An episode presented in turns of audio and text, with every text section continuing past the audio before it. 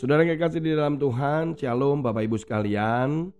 Tetap semangat dan selalu di dalam perlindungan Tuhan, damai sejahtera dan sukacita. Firman Tuhan hari ini terambil di dalam kitab Amsal pasal 19 ayat 5 sekaligus ayat yang ke-9 karena ayat tersebut sama persis yaitu saksi dusta tidak akan luput dari hukuman Orang yang menyembur-nyemburkan kebohongan tidak akan terhindar. Selalu di Amsal ini dikatakan tentang kata-kata, tentang lidah, tentang mulut, termasuk saksi dusta itu berarti kebohongan. Saudara, ketika kita tahu ada fenomena gosip, misalkan contoh gosip ya.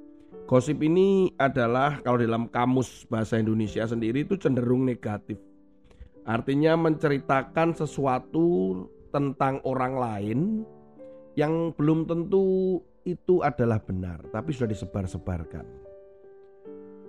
Dari perkembangannya, gosip ini juga muncul namanya gosip underground. Nah, ini biasanya disebarkan lewat media sosial, kemudian juga kebenarannya kembali lagi, belum tentu benar, tetapi sudah menjadi kasak kusuk yang cukup ramai. Belum sampai terblow up, tetapi sudah menjadi kasak kusuk di bawah. Nah, masalahnya dalam masyarakat itu sering kali lebih menikmati gosip underground ini.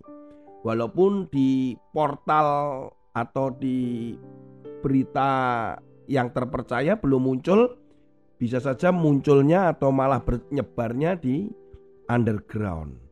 Nah ini yang paling banyak, persentasenya paling banyak. Untuk mengembalikan yang benar pun akan menjadi lebih sulit. Saudara kekasih di dalam Tuhan, orang yang menyebarkan gosip, orang yang menyampaikan sesuatu yang tidak benar, firman Tuhan hari ini mengajarkan kita bahwa semuanya itu akan ada akibatnya.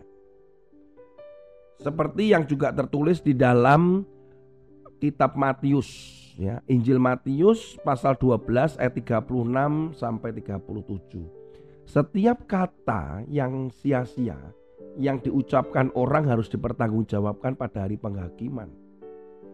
Karena menurut ucapanmu engkau akan dibenarkan dan menurut ucapanmu pula engkau akan dihukum. Ini nggak main-main loh. Artinya bahwa ini sendiri yang diperingatkan Tuhan kepada kita. Saudara kekasih di dalam Tuhan, ada sebuah kejadian yang saya alami ya bersama dengan keluarga ketika kami mendengar, ini mendengar waktu itu ya, mendengar sebuah peristiwa dari seorang hamba Tuhan yang cukup mencengangkan terkait dengan keluarganya. Hal ini membuat kami terkejut, tetapi gosip ini sudah menyebar ke mana-mana di kalangan teman-teman rohani atau setidaknya di kalangan pelayan-pelayan anak.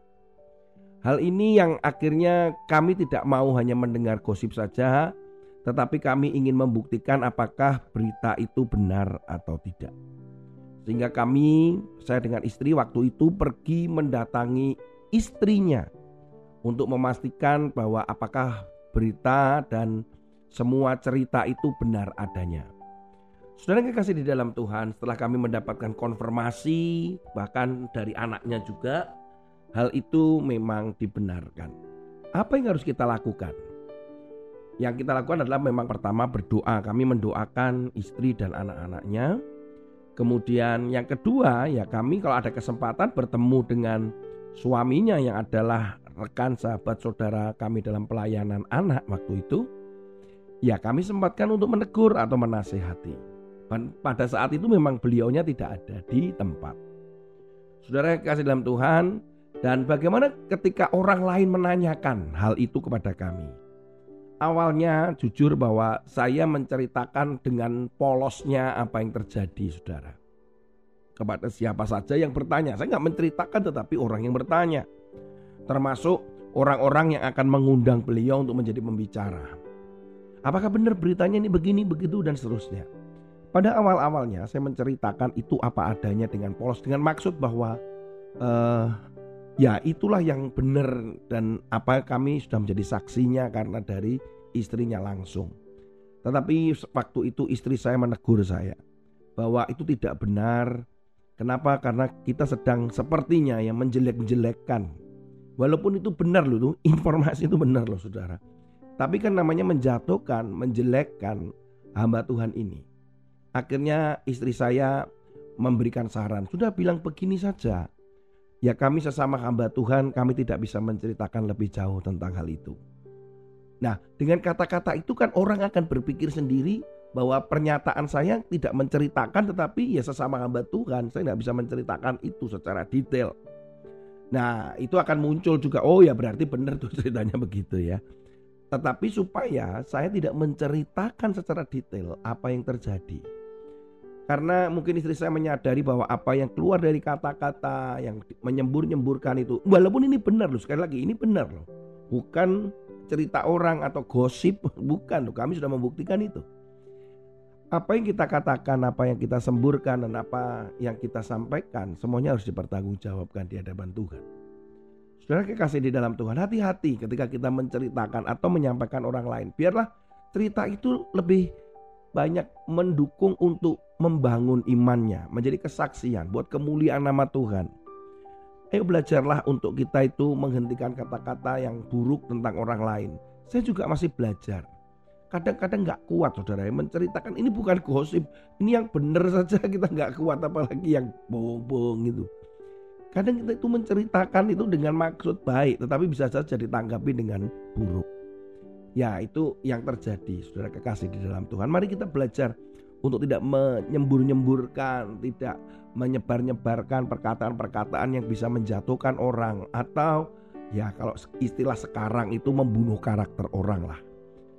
Saudara kekasih dalam Tuhan, mari membangun, mendoakan mereka, menjaga mulut kita dan perkataan kita. Tuhan Yesus memberkati saudara, Tuhan Yesus sayang dan biarlah damai sejahtera dan sukacita menguasai saudara